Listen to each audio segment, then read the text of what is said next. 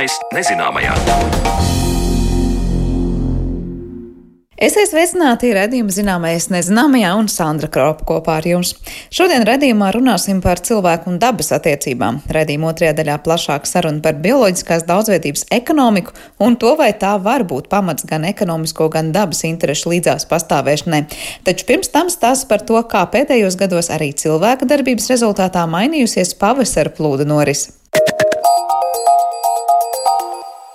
Aizvadītajā nedēļā Gaujā pie Cernikavas novērots otrais augstākais ūdens līmenis pavasara palos kopš 1934. gada. Bez plūdu radītā posta cilvēku īpašumiem tie ir īpaši būtiski dabai kopumā - upēm, jūrai, palieņu pļavām un tur mītošām augu, putnu un zivju sugām. Taču pavasara palu izraisīti plūdi pēdējās desmitgadēs kļuvuši arvien retāki. Plašāk par tematu stāstīs botāniķa Agnes Priede, Zinātniskā institūta biorpētnieks ihtiologs Ivars Putnis un hidroloģe Līga Klints. Ja mēs runājam par paliem, tad to uh, gaita pēdējās desmitgadēs ir būtiski mainījusies. Jāatzīmē, ka pat uh, ir bijis tāds gads, tas ir bijis uh, pagājušais gads, kad ledus saga Latvijas upēs praktiski vispār neizveidojās, līdz ar to palu nebija, jo arī sniega saga bija ļoti minimāla. Mēs nevaram runāt par to, ka plūdi palu ietekmē mums ir pazuduši pavisam. Bet eh, vēsturē atskatoties, lielākie pavasara pali tomēr paliek 1931. gads, tas ir 90 gadus atpakaļ. Latvijas vides, ģeoloģijas un meteoroloģijas centra hidroloģijas līgas klints pieminēto aizvadītā gadsimta lielāko plūdu gadā Gaiziņa kalnā bija novērots 126 cm bieza sniega saga, taču pavasara plūdu apmērus bez ledus biezuma un tā veidotajiem sastrēgumiem, sniega daudzumu un ūdens satura tajā nosaka vēl daudzi citi parametri un palu process patiesībā sākas jau rudenī, stāsta hidroloģija.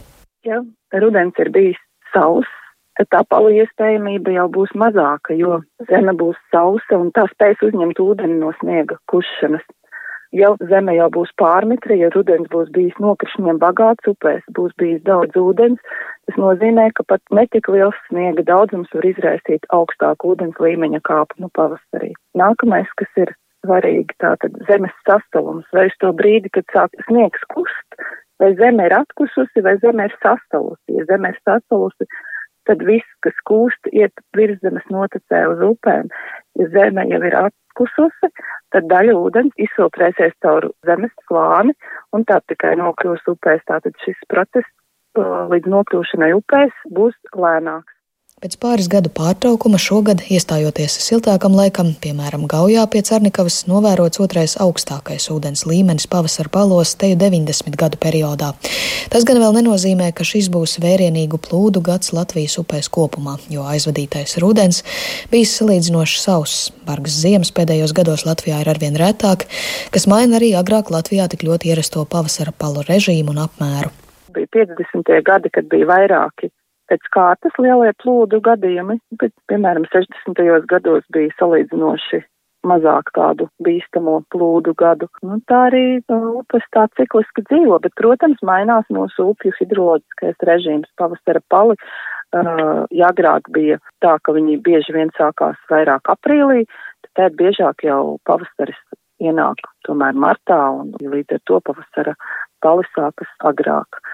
Bet uh, tas, ar ko mums ir jārēķinās, mainoties šiem te apstākļiem hidrometeoroloģiskajiem, ir tas, ka mums var nebūt uh, tikai viens pīķis pavasarī, viens milzīgs pīķis, bet šis te ūdens var būt līdzīgi kā šobrīd, jā, tas notiek kurzemes upēs, ka var būt viens pīķis janvārī, viens maksimums līdzīgs ļoti februārī, ka gadā var būt divi, trīs uh, tādi augstāki ūdens līmeņi, kas varbūt uh, nesasniedz tos ļoti, ļoti milzīgos, bet viņi tāpat var būt uh, pietiekami augsti, lai radītu aplūdumus un postījumus. Lai arī palu laiks un plūdi šķiet mūsdienās visvairāk aprunāti tieši saistībā ar cilvēku īpašumiem radītiem postījumiem, tomēr pavasara plūdiem ir būtiska nozīme Latvijas dabā. Upēs tie pilda attīrīšanas funkciju un palu laiku izmanto dažādi ūdens dzīvnieki, lai migrētu, barotos un nārstotu, stāsta Zinātniskā institūta bioorpētnieks ihtiologs Ivars Putnis. Daudzām sugām ir vajadzīga tieši veģetācija, teiksim, applūstošas pļavas, kaut kāda zāle, uz kurienes var iznēst tikrus. Un šīs aplūstošās teritorijas, gribētu īpaši atzīmēt, dabiskās teritorijas, bieži vien ir tādas, kas aplūst, un vairākas nedēļas, pat mēnešus šis ūdens saglabājās uz šīm teritorijām. Pavasarī, vasarā uzsilstot šim ūdenim ļoti, rodas ļoti labvēlīgi apstākļi zivju ikru attīstībai, un pēc tam arī šo mazuļu barošanās nodrošināšanai, jo visi šie bioloģiskie procesi ir ļoti strauji, strauji savairojas zooplanktons, ir ļoti laba barības bāze kā bērnis, tad mēs to varam nosaukt, kur, kur var dzīves nārstot, kur mazuļi var attīstīties. Nu, taču no otras puses, eh, teiksim, tādiem putniem, cita veida plēsējiem šīs teritorijas ir vieglāk pieejamas. Šis viss arī rada to augsto bioloģisko daudzveidību un rada šīm teritorijām to augsto pievienoto vērtību. Un, ja mēs arī paskatāmies teiksim, tādā pasaules mērogā, nu, mums tādas produktīvākās dabiskās sistēmas jau ir periodiski pārplūstošas sistēmas, tāpat Amazonas upes sistēma. Lai arī globāli raugoties, upes veido nelielu daļu no kopējām ūdeņu sistēmām, taču tām ir būtiska loma barības vielu pārnesē no kontinentiem uz jūru, kas rada gan pozitīvu ietekmi, gan arī transportē piesārņojumu stāsta putnis. Un tas efekts, ko mēs varam redzēt, ir tas, ka nu, tajā pašā Rīgas līcī, kurā mums ietek daudzas upes, Bieži vien dēļ šīm pastiprinātām upju ietekmēm, dēļ varības vielu ieneses, mēs redzam šo aļģu ziedēšanu vasaras mēnešos. No šiem aļģiem, no šī fitoplanktona barojās zooplanktons, tiksim, mazie vēžveidīgie organismi, kas jau kalpo par barības bāzi vairākām zivju sugām. Un, teiksim, viena no tādām Rīgas līdzīgi būtiskām sugām ir reņģis. Līdz ar to nu, tas efekts nu, nevienmēr viņš ir tikai negatīvs. Bet, nu, protams, mēs nevaram izslēgt šo negatīvo efektu. Nu, teiksim, kas notiek, kā sāļas masveidā savairojas sadalās, grims. Šī sadalīšanās bieži vien bakterioloģiskie procesi notiek ūdens dziļākajos slāņos. Un tajā momentā mēs runājam par skābekļa deficītu, skābekļa badu. Un varbūt ir dzirdēts šis termins, ka Baltijas jūra savā ziņā ir tāda mirusī jūra, jo nu, ūdens dziļākajos slāņos mums ir šis skābekļa deficīts. Un mēs tādu piemēru arī varam salīdzināt, ka šis Baltijas jūras sataces baseins Um, apkārt jūrai viņš ir aptuveni četras reizes lielāks nekā Baltijas jūra pati par sevi. Līdz ar to visas šīs mūsu lauksaimnieciskā darbība, uh, visas pilsētas, ja mēs salīdzinām, tie ir gandrīz 90 miljoni cilvēku, kas dzīvo Baltijas jūrā teiksim, ar upēm, ar šīm transporta sistēmām, viss tas tiek ienests iekšā jūras ekosistēmā. Īpaši būtiski pavasara plūdi ir jau pieminētajām regulāri aplūstošajām teritorijām upju krastos, palieņu pļavām un mežiem, kur patiesībā nereti neapdomīgi arī uzceltas mājas, kuru saimnieki lielāku plūdu gados cīnās ar sekām. Plašāk palieņu nozīmi skaidro botāniķe Agnese Priede. Nu, pastāv uzskats, ka tie ir varētu būt vienīgie dabiskie zālāji Latvijā, kas tiešām var veidoties palu ietekmē, bez cilvēku palīdzības. Bet lielākā daļa no tiem, kas mūsdienās Latvijā ir atrodami, tomēr ir arī cilvēku veidoti. Nu, tā ne tieši mērķiecīgi, bet līdzdarbojoties, veidojas to augu daudzveidību, kas palienēs. Parasti tas ir augu sastāvs, kas ir saistīts ar tādām leknām, bagātām augsnēm, jo palu laikā izgulsnējās uh, ūdeņa nestās barības vielas. Un līdz ar to palienas, uh, nu, tā, uh, ne, nedalot pa augu sugām, noteikti ir lieli lekņi augi, augstie grīšļi, dažādas augstās zāles, miežu prāļi, vīgriezes un tāda veida sugas, kas šeit ir sastopamas. Daudz no viņām ir ar to izveidot to mehānismu, ka viņām ir peldošas sēklas, ja tā tad, piemēram, gladiols vai, vai tās skalbas, jeb ko tautā sauc par īrisiem. Tātad nu, ar, ar paliem notiek viņa izplatīšanās, kas arī e, iztrūkstot šim procesam varētu būtiski samazināties. Kas notiek ar palieni, ja tiešām tos kaut kādus dažus gadus e, nu, tā viņa kārtīgi neaplūst, nedabū izpildīt to savu e, funkciju? Tā, ja vispār ir tādi ilgstoši sausuma periodi, kad upēs zemes ūdens līmenis eh, pazeminās arī gruntsūdens līmeņi. Eh, tas savukārt varētu ietekmēt eh, visu kūdras veidošanos palienēs.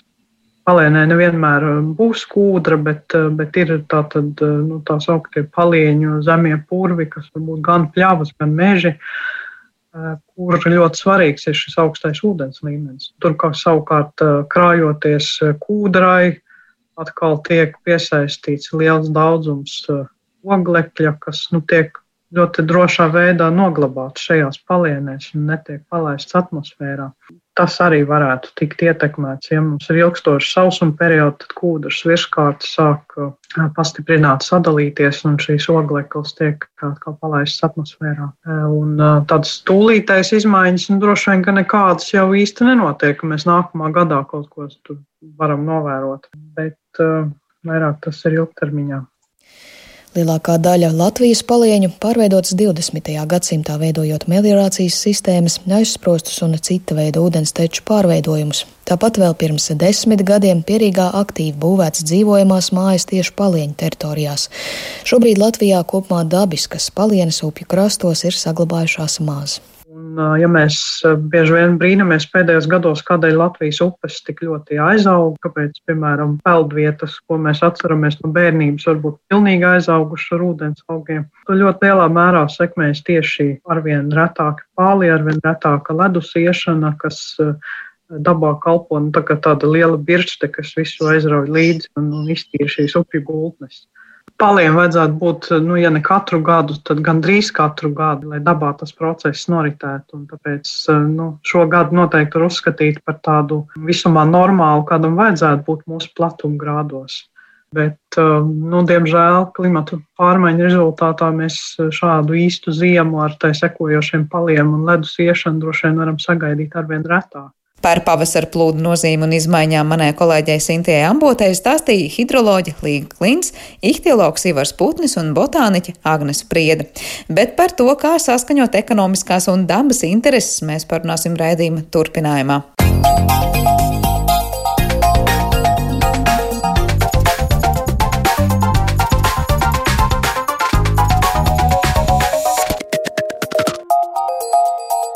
Zināmais nezināmajā.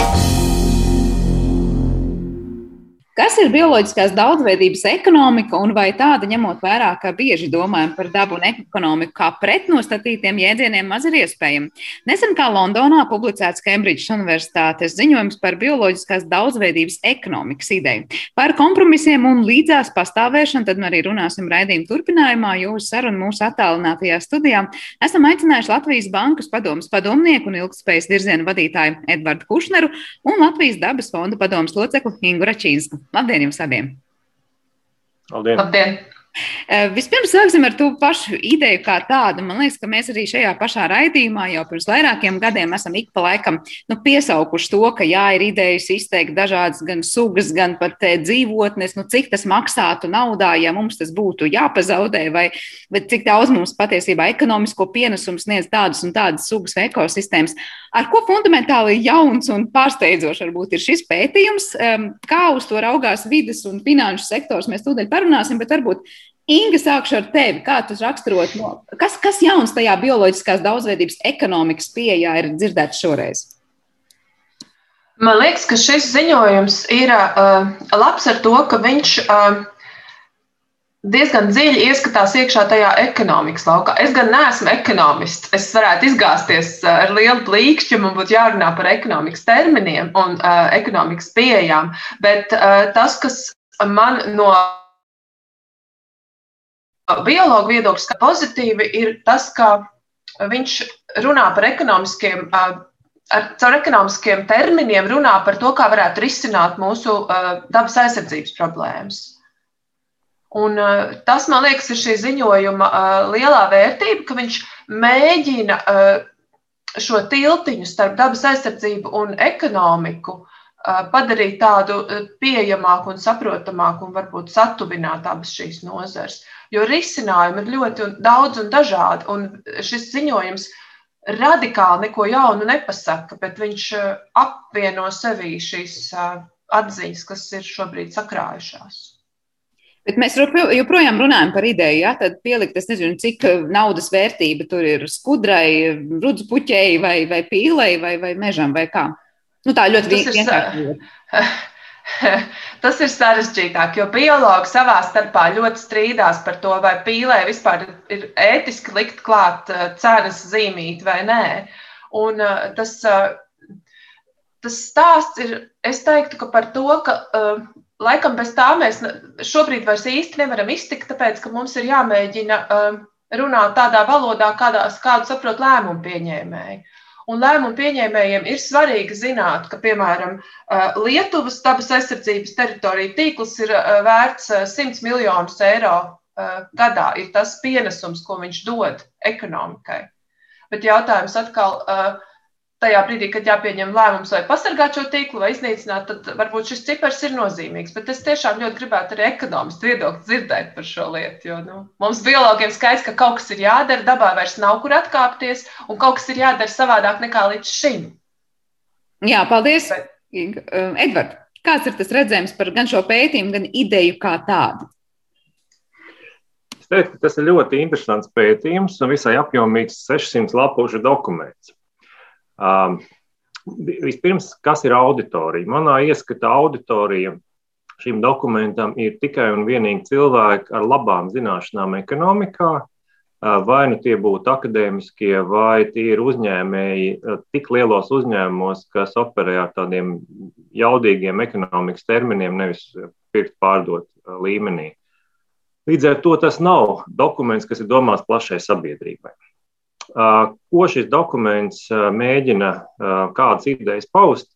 Nu, es, es to raksturoju tā, ka tā ir reliģija ateistiem. Tātad ekoateistiem ir mēģināts iestāstīt zaļā ticība viņiem saprotamā valodā ar ļoti veiksmīgi, es teiktu, bet arī pietiekami sarežģītu, piemeklētu ekonomisko un finanšu terminoloģiju, šajā terminoloģijā skaidrojot dabas un sociālos procesus. Pie tam, kas ir būtiski, te neiet runa tikai par skudras vērtību, te ir runa būtībā par visu ilgspējas tvērumu, ieskaitot arī cilvēka dzīves kvalitāti. Tātad, nu, ja mēs runājam vai nu visa dzīvā daba, ieskaitot cilvēku, vai tādā klasiskā ilgspējas trīsstūrī, gan vides, gan cilvēka svarīgiem jautājumi ir skaidroti caur ekonomiskiem terminiem. Tā lai uh, cilvēkam, kam nepastāv dzīvē citas vērtības, kā vien nauda un ekonomiskā domāšana, aizietu tas, kādēļ arī šajos terminos ir jēga domāt par dabu un domāt par cilvēku labklājību. Vai tas ir teiksim, tā, vispār pieņemams veids, kā runāt par ilgspēju, viennozīmīgi nē, šī auditorija, šie ekoateisti ar ekonomistu domāšanu. Pārējiem daudziem, eh, es domāju, līdzīgi kā arī eh, nu, teiksim, biologiem, piemēram, un arī cilvēkiem, kas eh, skatās vairāk no teiksim, dzīves kvalitātes viedokļa, šī pārreikināšana naudā ir neapšaubām kaitinoša. Tajā brīdī, kad cilvēki sauc tikai par cilvēku kapitālu, nu, tā ir tikai ekonomikā nu, tā ir jēga, bet nu, mēs neesam tikai staigājošs ražošanas faktors. Un tieši tāpat daba nav tikai dabas kapitāls. Ja kāds grib, var tam rēķināt naudu, un te ir pierādīts, kā to darīt. Bet vai tajā brīdī, kad mēs pieņemam lēmumu, tas ir vienīgā mēraukla, manuprāt, nē. Bet, ja kādam vispār nav skaidrs, kāda saikne ir šī brīža procesiem pasaulē ar ekonomiku, tad šis ir dokuments, kas ārkārtīgi eleganti, bet arī ļoti sarežģīti un caur to arī ļoti pamatoti izpild šo funkciju. Vai ir iespējams kaut kāds vienkāršs piemērs, eh, vienkāršā valodā tiem, kas varbūt nav šīs eh, dokumenta auditorija, Vai tas ir stāsts par to, kā pateikt, lūk, pieminētā skudra, piemēram, dod to un to un to, un tas ekonomikai ļauj augt par tik un tik? Vai kādos, kādos tādos nu, mērauklās šis dokuments stāsta šo vērtību, tad, tiem, kā jūs teicāt, ekoateistiem ar ekonomisku domāšanu? Tiklīdz mēs mēģinām to skaidrot, mums jāaiziet šajos terminos iekšā, kuri nav saprotami. Es domāju, lielākajai daļai raidījuma auditorijas, un arī nav tas nepieciešams tieši tādā veidā skaidrot. Bet, uh, Es, es teiktu, ka tas uh, tur ir daudz vairāk kā tikai mēģinājums noteikt cenu lietām. Uh, tur ir ļoti labi izskaidrots, ka uh, dabas procesi uh, tiek ietekmēti no ekonomiskās uh, teiksim, aktivitātes puses. Savukārt šie procesi lielā mērogā ietekmē ekonomiku caur ļoti dažādiem kanāliem. Nevis caur to, pa cik tu vari pārdot skudru, ko tu esi paņēmis rokā, bet kādas sekas ir ļoti daudzām tautsēmniecības nozarēm, piemēram, no bioloģiskās daudzveidības mazināšanās vai ekoloģiskā līdzsvara izmaiņām. Tur jau arī runa arī par klimatu pārmaiņām. Arī klimata pārmaiņas ir izskaidrotas ekonomiskā terminoloģija, bet te mēs nonākam pie viena atsevišķa sāna stāsta par to, ka šobrīd pasaulē principā ir mainījusies situācija ir noticis tāds būtisks tektonisks nobīde ekonomiskajai, īpaši finanšu pasaulē. Klimats eh, vairs nav konkurējoša ideja. Šobrīd tas ir kļuvis par pamatu tēmu lielām uh, pārmaiņām, kuras mēs piedzīvosim tuvāko desmitgažu laikā. Uh, tādā ziņā Dasgubs ziņojums ir drusku nokavējis uh, kā tādu bībeles statusu. Ja viņš būtu pirms desmit gadiem, es teiktu, tas ir ģeniāli, Šobrīd tas ir papildinošs materiāls tām pārmaiņām, kas pasaulē jau notiek. Un, um, es domāju, ka teiksim, tas konteksts ir jāņem vērā, ka te vairs nav runa par to, darīt vai nedarīt. Klimata cīņa par, par klimata neutralitāti ir pārvērtos vienkārši par politiku, par virzienu uz klimata neutralitāti, īpaši privātajā sektorā. Es nerunāju par valdībām tikai, es runāju par lielajām teiksim, finanšu institūcijām. Un, un šis dokuments dod tādu kā skaidrojošu ceļamāju tam procesam. Līdz ar to jāņem vērā arī tas konteksts, kādā mēs esam šobrīd pasaulē. Kāpēc tieši finanšu sektorā šobrīd tā lielā nobīde ir notikusi par labu, var teikt, nu, ilgspējas un klimata jautājumu aptveršanai? Brieda, protams, sajūta pakāpeniski vērojot klimata pārmaiņas, un nobrieda pateicoties Covid vīrusam, kurš izraisīja tā ļoti interesantu fenomenu, ka finanšu pasaule un būtībā visa ekonomika pēkšņi saskārās ar ekonomisku krīzi, kuru daudzu krīžu gaitā, salīdzinot nu, teiksim, ar daudzām citām krīzēm, līdz šim izraisīja nevis cilvēka kļūda, bet dabisks process. Ja, Tātad kaut kāds neredzama uzdzīva būtībā būtne kā vīruss, kas pēkšņi apgriez kājām gaisā visu pasaules ekonomiku krietni lielākā mērogā nekā milzīgā finanšu krīze, ko mēs pieredzējām vēl nesen. Kur bija ļoti skaidrs, kurš ir vainīgs, kurš ir izdarījis kļūdu, kādas politikas ir jālabo. Un te pēkšņi izrādās, cilvēks nevar neko izlabot, bet mēs varam tikai cīnīties ar sekām, izgudrot vakcīnas un cerēt, ka viņas vispār derēs. Un, un tas mazais nieciņš spēja izdarīt gigantiskas pārmaiņas. Un šis, um, teiksim, um, šī pieredze izraisīja pārdomas par to, ka patiesībā klimata pārmaiņas būs tieši tādas pašas. Tas būs neapturama, secīga notikuma lavīna, kur būs par vēlu teikt, ziniet, mēs tagad izlabosim finanšu tirgus regulējošos aktus, uztaisīsim jaunas institūcijas, ieviesīsim kontrolas, kaut kādas jaunas pārbaudas tehnikas, vai arī tur novērsīsim pārmērības vienā vai otrā ekonomikas sektorā, viss būs kārtībā. Nē, To nevarēs apturēt. Nevarēs apturēt ar cilvēku rīcību pārskatāmā laikā. Un šī apziņa bija tik, uh, manuprāt, um, tāda atsvaidzinoša, maigi sakot, ka tika pieņemts lēmums, um, un, un tas lēmums, es nevaru teikt, kādā konkrētā vietā, kam patīk sazvērstības teorijas, var, var gudrot, bet, bet to, var redzēt, ka lielie finanšu spēlētāji, kas operē kapitāla tirgū, tas nozīmē tie, kur rokās ir triljoni akciju, vērtspapīru, parādu, valdību un, un uzņēmumu, viņi pēkšņi saprata, ka viņu bizness ir balstīts ekonomikā, kur iespējams sāks brukt un irt kas nozīmē ļoti vienkārši finanšu pasaulē to sauc par klimata izraisītiem finanšu riskiem. Un vienkāršā valodā sakot, lielais biznesa saprata, ka, ja nekas netiks darīts, viņi cietīs zaudējumus. Un, ja viņi negrib ciest zaudējumus, tad ir jāsāk ar šo problēmu cīnīties saulēcīgi. Un lieta, tas jādara organizētā veidā, lai nebūtu frīrādi, lai nebūtu kāds pa priekšu, kāds atpaliek, kāds būs lielāks peļņa, kāds kā saka, lielāks muļķis vai lielāks gudrinieks par otru. Tādēļ arī parādās spiediens uz valdībām to darīt. Un mēs redzam, ka šobrīd lielie spēlētāji ir vienojušies. Es domāju, ka Ķīnas iesaistīšanās šajā procesā bija izšķiroša. Amerikā, es teiktu, tā, ka tas, ko darīja Trumps, Trumps mēģināja ierobežot, aizliegt privātiem uzņēmumiem veidot tās politikas, klimata teiksim, neitrāls, ko viņi mēģināja. faktiski pat viņam tas neizdevās. Un pat, ja Trumps atgriezīsies pēc četriem gadiem, viņš neapturēs vairs to procesu, jo tas būs aizgājis jau pašā ekonomikā, pašos privātajos lēmumos. Un šī, šī nobīde ir ārkārtīgi būtiska. Protams, jā, un... tā, ka tā ilgspējīga, ko mēs sakām, varbūt dažiem svešvārdā vai attālinātā vārdā, pierādīja sevi kā ekonomiski izdevīgākā nezinu, investīcija vai skats, uz kuru organizēt savu biznesu? Negluži ilgspēja. Te ir tā mazā nianse, ka klimats ir šobrīd kā tāds īlēns izlīdz no maisa, bet eh, tas, ko es eh, no savas puses eh, vienmēr uzsveru, un, un manuprāt, šī bažas ir, ir, ir, ir pamatota, ir ka klimats un klimata neitrāls aktivitātes dažkārt ir pretējas ilgspējai.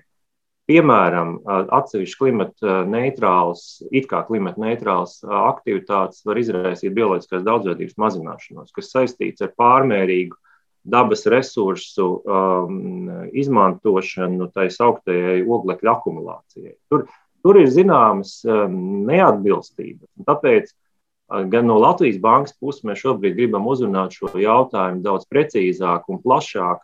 Atcerēsimies veco labo ilgspēju. Līdzsvars starp cilvēku, dabu un ekonomiku. Un nevis tikai klimats. Bet šobrīd pasaulē tas, tas, tas hype ir tieši par klimatu. Un te ir bijis jā, jā, jāsaprot šī atšķirība. Jā, tas ir labi, bet ar to nepietiek manā ieskatā. -hmm. Inga, droši vien, tev ir visu dzirdētā savus komentārus, bet varbūt arī kāds piemērs tam, ko Edvards skaisti minēja par to, kā līdzīgi kā šis te vīrus šobrīd mēs zinām, kurš ir nosacīti vainīgs un kurš ir radījis tālāk visas tās lietas, ar kurām mēs šobrīd saskaramies, vai mēs varam teikt, nu, klimata kontekstā tas būs, es nezinu, ūdens līmeņa celšanās vai kāda sugas izzušana, kas radīs līdzīgu līdz ar to efektu mums tālāk tīri ekonomiski, varbūt arī un apklājības samazināšanās dēļ.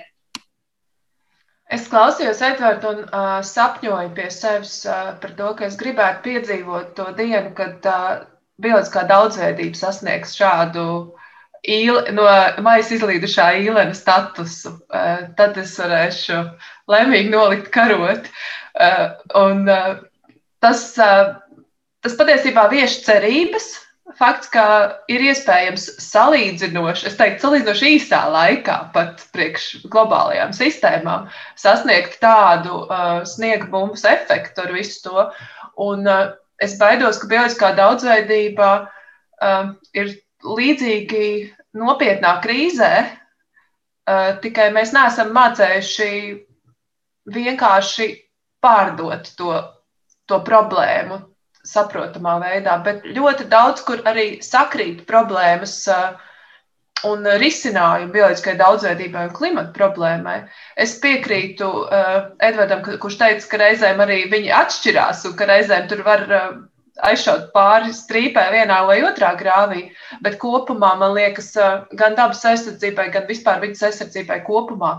Tas, kas šobrīd notiek, ir nebijis precedents un ārkārtīgi svarīgs mirklis Un, uh, tas ir gan labi, gan slikti. Tas pierāda, ka ir pietiekami slikti, kad sāk, ka sāk uz to reaģēt jau uh, arī paši, paši pēc savas iniciatīvas lielie spēlētāji, kas nav dabas aizsardzības vai vidas nozarē strādājošie. Uh, bet tajā pašā laikā tas ir ļoti labi, jo uh, kā mūsu vēsture pierāda, mēs uh, vidas problēmas un dabas aizsardzību nevaram atrisināt tikai uh, mūsu nozares ietvaros. Mēs nevaram visu laiku būt tā nozara, kurai, uh, kura vienmēr citām nozarēm prasa naudu, lai atjaunotu dabu, kurā ar milzu subsīdijām ir iznīcināta citu procesu ietvaros. Tas pats tas gudrs ziņojums saka, ka pasaulē 4 līdz 6 triljoni dolāru tiek ieguldīti subsīdijās, kas kaitē, potenciāli kaitē vai iznīcina dabai. Un es man vajadzēja pat saskaitīt nulītes, kas triljonam ir. Tās ir 12 nulītes. Tas neesmu ekonomists un bija jāsaskaita. Savukārt tas apjoms, kas tiek ieguldīts subsīdijās, lai paglābtu dabu, ir radikāli mazāks, pa kārtu mazāks. Līdz ar to mm, ir ļoti svarīgi šīs, eh, kā saka, šīs, kā eh, saka, profesionāli eh, šīs problēmas eh, mainstreamings uz, eh, uz to citu nozaru, uz tām nozarēm, kas mūs ietekmē. Un par to ir runāts gadiem. Dabas aizsardzības integrācija ekonomikas nozarēs. Šāds termins ir gadiem klīdis apkārt pa, visām, pa visiem politikas gaiteņiem, bet šobrīd, principā, notiek kaut kas tajā virzienā attiecībā uz klimatu, un par to man ir ļoti liels prieks. Un turam īkšķus par to visu. Man jautājums, jautājums par tām subsīdijām, nu, ja, piemēram, tās joprojām ir pa kārtu, kā Inga teica, lielākas nekā dabas aizsardzībai, tad nozarēm, kas patiesībā ir dabu graujošākas, Edvardam jautājums, kāpēc tā, vai ir tāds utopiskais sapnis, nu tad teikt un domāt, ka vienā brīdī tās investīcijas, kas ir par sliktu dabai, kļūst mazākas, vai tomēr, nu es nezinu, kamēr pēdējā pilīta naftas nebūs izdabūta ārā, tās subsīdijas naftas nozarei turpināsies. Ja par to runā gadiem, kāpēc, kāpēc tās subsīdijas tur joprojām ir lielākas un kas liek domāt, ka notiktu kaut kāds varbūt lūzuma punkts? Nu, Pirmkārt, tas ir lobbyisms. Protams, ka nozarēm ir jauda no nozares daudz saprotamāk formulē savu problēmu priekš valsts varas, jo nozares runā nodokļu valodā valsts eh, to, tos nodokļus patērē, un valstī tas uh, ir saprotami. Ja? Nu, mēs redzam arī šobrīd, nu, Covid laikā alkohola veikali vaļā, un, un, un, un visi saprot, ka pārāk liela nauda aizies uz pelēko tirgu, un pēc tam vēl to visu būs jāmēģina dabūt atpakaļ. Uh, ir lietas, kuras uh, ir gana cīniskas, un, un to ir jāatzīst. Bet tas, kas šobrīd notiek ar klimata neutralitāti, nu, te jāteic, uh, Nu, protams, um, gan Eiropā, gan citur um, nozeres vēl daudzas nav īsti sapratušas, kas notiek. Uh, Latvijā vēl jāteic, saula nav ausus virknē, gan nozara, gan arī ministriju. Un ir tāda naiva, naiva cerība, ka kaut kā varēs no tā izgrozīties, kaut kā pārziemot, kaut kā izdarīt to savādāk. Un vispār, ja kādam vajag kaut ko, tad lūdzu samaksājiet mums nu, nāks tā, tā nojausma, ka pat ja būs arī zināma šķērsubsidēšana tagad šīm transformācijām, lai tas nebūtu pārāk sociāli sāpīgi, tad tomēr tas, kurš taisa to šmuci, nu, tam arī ir jāmainās visvairāk.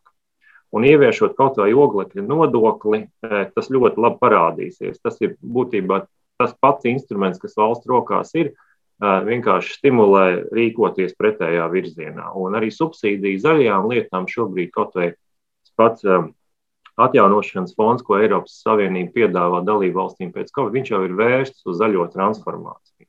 Tātad pieaug arī subsīdijas otrā pusē. Tas, kur ir dīvaini, kad Latvija ir otrā vietā Eiropas Savienībā pēc fosilējām subsīdijām tieši energo resursu ziņā. Tas nozīmē, ka mēs vēl neesam daudz ko līdz galam sapratuši, un attiecīgajās jomās mums tā transformācija būs sāpīgāka.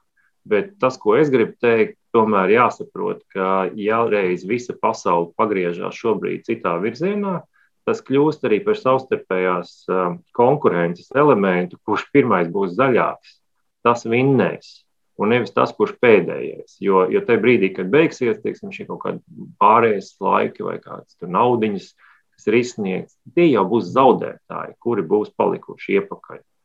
Un es domāju, ka uzņēmēji tomēr tajā brīdī, kad tā ritīgi apjautīs, par ko ir runa, tad jau būs pieprasījums pēc cita veida arī valsts politikas. Bet es iedomājos, nu, ja mums tagad ir kāds, kurš, piemēram, saimnieko tā, kas nu, īstermiņā nes vairāk naudas, un viņam ir pilnīgi vienalga, kas tur notiek ar to dabu un, un vidi kopumā, vai nav tā, ka Pat ja viņam parāda tos ciparus un kas kurā brīdī ir izdevīgāk vai mazāk izdevīgi, nav tā, ka īstermiņā viņam vienalga ir izdevīgāk un, un labāk to savu netīro, kā saka, biznesu izdarīt tagad. Kas liks šādiem, šādā, šādiem cilvēkiem mainīties? Vai kāds kaut kas no tā, kas ir rakstīts tajā ziņojumā, ir skaitlis, pie kura šādi varbūt īstermiņa domātāji apstātos un teikt, man tas beidzot vairs nav izdevīgi? Vai mēs runājam, ka tas ir neizdevīgi ilgtermiņā? Pārasti īstermiņa domātāji šajās eh, kategorijās nedomā, kurās ir rakstīts eh, ziņojums. Viņiem tas būs sarežģīti. Tāpēc eh, es domāju, ka te pats tirgus vienkārši sakārtos. Un, un kā jau minēju, tas pats oglekļa nodoklis, un tajā brīdī, kad tev kļūst sarežģīti to uh, darbību arī īstermiņā turpināt, uh, tad tas vienkārši nu, cilvēks izdarīs biznesa lēmumus. Es, es šo situāciju salīdzinu ar to, kā bija pirms iestāšanās Eiropas Savienībā mums bija tā saukt ietekmes novērtējumu. Viens bija ļoti interesants un veiksmīgs projekts ar visu zivsaimniecības nozari.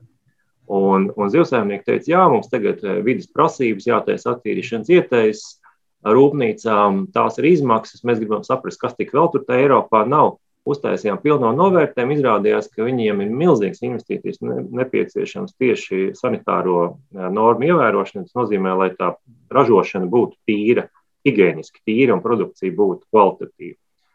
Tīri no, no higiēnas viedokļa. Un tad, tad biju, nu, tas, tas aprēķins bija dramatisks, un bija skaidrs, ka daudziem uzņēmumiem tas tur, tur biznesa vairs nesanāk. Mēs tagad domājam, nu kas būs. Mēs dabūsim vēl viens Eiropas Savienības pretinieks krāgā, kuriem mēs pašiem būsim nolikuši skaidrs priekšā. Bet mani pārsteidza šo uzņēmēju tāds nu, rītīgs, normāls biznesa ķēriens. Viņi teica, paldies, ka jūs mums sarēķinājāt. Mēs sapratām, ka mums tur biznesa nebūs. Mēs varam saulēcīgi izņemt kapitālu, mēs varam aiztaisīt ciet un, un, un darīt lietas savādāk. Jo neviens jau nav piedzimis ar kaut kādu ražošanas līniju pie sārniem. Ja? Tas ir vienkārši izvēle taisīt biznesu tieši tajā nozarē. Un, manuprāt, tā arī ir gudra uzņēmēja normāla reakcija, ka viņš saka, labi, ka mēs esam sapratuši, kāda ir nākotne. Mēs varam izdarīt lēmumus nevis caur bankrotu, bet caur normālu biznesa reorganizāciju. Pārdot tur tās iekārtas, nezinu, Baltkrieviem un taisīt kaut ko pilnīgi citu. Un, un tā ir tā reakcija, kas, manuprāt, ir, ir, ir, ir vietā ikvienam prātīgam uh, saimniekam un uzņēmējam. Ja tu redzi, ka mainās situācija, vai nu tu to izmanto, vai tu pielāgojies, vai tu pieņem sāpīgu secinājumu, bet nekļūst nabaks. Nav jānolaiž kantors līdz bankrotam. Jā, man tas sākuma jautājums arī bija. Tūlīt dod vārdu arī Ingai. Zinu, ka Inga gribēja ko piebilst. Vai nav tā, ka daži no tiem īstermiņa domātājiem ir pietiekoši, es domāju, globālā līmenī lieli spēlētāji, lielas industrijas, piesārņojušas industrijas, Un viņām, kā saka, pietiks to dabu pabojāt vēl mazliet, varbūt dažus gadus, tikmēr gūt savus vajadzīgos ienākumus. Un, un var teikt, mēs visi sabiedrība paliksim pie tās tukšās silas, kas būs izbojātās ekosistēmas vai tukšie meži vai izvejoti okeāni. Vai mēs varam tur sagaidīt kaut kādu transformācijas punktu? Nu, labi, ja mēs uzstādām tik ambiciozu mērķi, ka visam jāmainās ir tūlīt un, un, un nekavējoši, tad arī tomēr nu, kā, no tāds ekonomiskā viedokļa, es teiktu, ka pārējais process ir nepieciešams. Nav tā, ka jālauž viss, un, un, un arī nu, teiksim, biznesa transformācija prasa laiku un, un, un resursus. Tā, tā tas nenotiek, ka mēs vienkārši visam piekarinam atslēgu priekšā. Tas, tas ir bankroti, tie ir zaudēti aktivitātes, zaudētas iespējas šai naudai strādāt citā nozarē.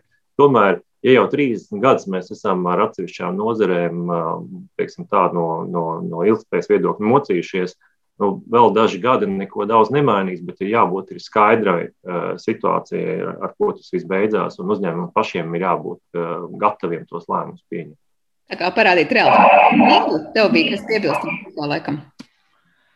Jā, nu, es gribēju piebilst, ka, protams, te, tie, mums tomēr ir arī valsts politika, un mums ir likumdošana, kas uh, ietekmē to, nu, ka nenotiek tādas kaut kādas, mil, nu, Eiropas Savienībā nenotiek tādas milzīgas, radikālas uh, dabas iznīcināšanas darbības, kuras būtu pretlikumīgi. Nu, ja viņas ir pretlikumīgas, tad attiecīgi tur notiek visi procesi, kas to saistīti. Bet man liekas, ka tieši tāpēc šis ziņojums ir labs, ka viņš ir arī kā informējošs ziņojums priekš lēmumu pieņēmējiem. Respektīvi, lai viņš informētu valsts politiku, uz ko virzīties. Un, ja, ja politiķi spēj, spēj viņu saprast, vai kāds Latvijas bankas darbinieks var iztulkot viņiem to, tad tas noteikti ir ļoti labs veids, kā arī informēt politiku un palīdzēt pavirzīt. Bet es piekrītu, pārējais periods ir vajadzīgs un viņš ir vajadzīgs pietiekoši garš. Un, uh, un tad ir kaut kādas lietas, ko šis ziņojums rosina ieviest. Piemēram, viņš runā par IKP. Un, un viņš saka, ka IKP kā rādītājs nav pietiekošs, lai raksturotu mūsdienās vairs to, kā pasaule izskatās. Un tam es, tam es liektos piekrist, lai gan atkal es neesmu ekonomists, bet IKP tiešām, uh, manuprāt, ļoti labs piemērs būtu, ja mēs izcirstu visus Latvijas mežus, IKP paceltos. Vai ne, Edvard? Jā, nu, jā, jā bet, bet, bet, bet pilnīgi taisnība. Bet IKP jau nav. Um, IKP ir tikai mērvienība, uh, teiksim, mērījums ekonomikas attīstībai, bet ekonomikas attīstība un valsts attīstība ir divas dažādas lietas. Un ilgspējas ideja runā par valsts attīstību, līdzsvarot attīstību. kas nozīmē, ka attīstās arī sabiedrība, arī cilvēka dzīves kvalitāte turpina augt. Un, un tavs minētais piemērs jau ir klasisks piemērs, ka pārdot dzīves kvalitāti par naudu. Ja, ja mēs nocirtīsim visus mežus, būtiski kritīsies Latvijā dzīves kvalitāte. Un tā nauda, nu, ko tur vietā nopirks, plasmas koku saliks. Ja, tātad, ja mēs gribam mērīt valsts attīstību, IKP nav kvalitatīvs mērījums, lai gan, diemžēl, bieži tas tiek izmantots Latvijā un, un, un politikā atsauc, ka nu, valstī kļūst labāk, tāpēc, ka IKP ir pieaudzis. Nē, ekonomikai kļūst labāk, IKP ir pieaudzis. Kā ir cilvēkiem kļūst labāk, skatieties dzīves kvalitāti. Un tur, protams, ir daudz subjektīvu elementu, bet tas, kā cilvēks jūtas galu galā, ir, ir viena no lietām, liekas, kas sabiedrībai ir tā svarīgākā. Dasgūda ziņojums ir zināmā mērā tāds, viņš, paš, viņš pats raksta, ka tā ir antropocentriska pieeja. Tad, tad mēs skatāmies no cilvēka izpratnes, tātad caur šo ekonomisko prizmu uz dabu, uz cilvēku arī. Tur cilvēks ir kā, kā, kā resursu tiešā veidā nosaukt, un, protams, uz ekonomiku. Bet ir jau iespēja skatīties tomēr vēl līdzsvarotāk un nelikt cilvēku kā vienīgo mēralu. Ja, tad, tad tomēr tā daba arī parādās, jo daba bija pirms mums. Un ekonomiku mēs izdomājam tikai kā instrumentu, lai attīstītos. Vienkārši jā, jāatrod šis līdzsvars. Tomēr. Bez, bez, bez tāda līdzsvara mēs paši nejutīsimies labi. Jā, daba bija. Daba būs arī pēc. Tas ir stāsts par to, kurā brīdī mums šeit sadzīvot un dzīvot dabā ir, ir ērti, droši, veselīgi un skaisti. Bet uh, noslēdzošais jautājums no manas puses. Ko tagad mums ir šāds pētījums? Mēs tagad runāsim par bioloģiskās daudzveidības ekonomiku, vairāk aktualizēsim šos te, nezinu, piemērus, kas varbūt parādās šajā pētījumā. Ko, ko mums sagaida, kādas izmaiņas tālāk? Es nezinu, varbūt um, citādāk spēlētāji ekonomiski skatīsies uz to, kur investēt, kā investēt, kādus biznesus attīstīt. Mēs gaidām, ka mainīsies valstu politikas, vidas aizsardzības kaut kādi, nezinu, dokumenti. Kāds ir jūsu abus personīgais skatījums? Inga, varbūt sākšu tev. Ko tu sagaidi, kas mainīsies tagad, tuvākajās nezinu, gados un desmitgadēs? Es domāju, ka svarīgi, lai šīs pārmaiņas būtu globālas. Latvija nevar pēkšņi nolemt pati par sevi, ka viņa tagad būs, viņa tagad ieviesīs, es nezinu, tur kaut kādu karbonu nodokli vai oglekļa nodokli. Vai, vai, vai. Nu, tam jānotiek globāli un vienot, ko Edvards jau sākumā teica, lai nav tā, ka kāds ir priekšā, kāds ir aizmugurē un kāds pēkšņi kļūst nekonkurētspējīgs. Tas attiecās uz visām šīm. Un šis ziņojums runā par tādām uh, sistēmiskām pārmaiņām, par lielām institucionālām sistēmiskām pārmaiņām. Līdz ar to es vairāk uz šo uh, skatos kā uz uh, pār pārmaiņām, kas nāks nu, no augšas, ja tā var teikt, šajā gadījumā, kas būs lielie lēmumu pieņēmēji mūsu, mūsu Eiropas Savienības lēmumu pieņēmēji, pasaules lēmumu pieņēmēji, lielās institūcijas, kas pieņem kaut kādus strateģiskus lēmumus, kā tas notika? Es teiktu, ka līdz, līdzīgi krietni faktiski šobrīd Eiropas Savienība, kas ir tas uh, lielais pārnacionālais ietvers, kurā mēs darbojamies, un kas lielā mērā ietekmē um, ekonomikas uh, dažādas sektorus caur Savienības regulējumu, Savienība ir uzņēmusi zaļo kursu. Ja mēs paskatāmies uz kalendāru, tad to šī gada laikā un nākamā gada laikā ir ļoti ambicioza programma izstrādāt jaunus uh, dokumentus vai pabeigt jau iesākto kas ieviesīs milzīgas pārmaiņas eh, nosacījumos, eh, pēc kādiem spēlē ekonomika. Tāpat ir slavenā taksonomijas regula, kas visai finanšu pasaulē iedod tādu kā uh, marķieru sistēmu, kur tu vari atzīmēt, kas ir brūns, kas ir zaļš, kā tagad vēl modē teikt, pa vidi ir olīvas zaļš, jo visi nevar uzreiz pa zaļiem kļūt, tā ir tā jaunā krāsa, kas ir pareizā. Okay, Bet tas, ko lielā mērā mēģina novērst, ir tā zaļā blēdīšanās. Ja, kad mēģina pārvērsties par zaļu tikai tāpēc, ka tā ir modes lieta. Ja. Un to var darīt tikai pietiekami lielā mērogā, lai, lai, lai tā smugulēšanās nenotiek kaut kāda pārobežu bāzes vai sīka nacionālo atšķirību dēļ. Tādēļ es teiktu, ka Eiropas Savienības ietvers un tas kalendārs, kas ir, mums ir ievies, ieviesīs noteikti liels pārmaiņas bet ir svarīgi, ka mēs nevis pretojamies tam, kā to šobrīd mēģina darīt dažas nozares, bet tieši skatāmies, kāda ir mūsu vieta, kā to izdarīt labāk. Un ņemot vērā, ka to dara visi, nu neviens nevar būt tāds milzu zaudētājs. Vienkārši mainās spēles noteikumi. Nu, tad, tad pieņemiet to un sākiet uh, to savu biznesu korģēt un, un, un, un pelnīt naudu tikai savādāk. Un tā ir tā liela atšķirība. Jā, tā kā tas ir vairāk, pirmais uzzinās spēles noteikums, tas arī eh, veiksmīgāk spēs tajās milškastē spēlēties, tā varētu teikt. Paldies jums abiem! Būs interesanti vērot, kā notikuma attīstīsies un kādas idejas virmos jau tuvākajā laikā runājot par šiem tematiem. Atgādināšu, ka mūsu attālinātajā studijā šodien viesojās Latvijas Bankas padomus padomnieks un ilgspējas virziena vadītājs Edvards Kušners un Latvijas dabas fonda padomus locekli Inga Račinska. Ar to arī šis raidījums ir izskanējis. Ar jums kopā bija Sandra Kropa, bet par šo raidījumu parūpējās arī producents Armīta Kolāta un mūzikas redaktors Girds Bišs. Un piebildīšu, ka mūsu raidījumu var dzirdēt arī populārākajās podkāstu vietnēs. Vislabāk!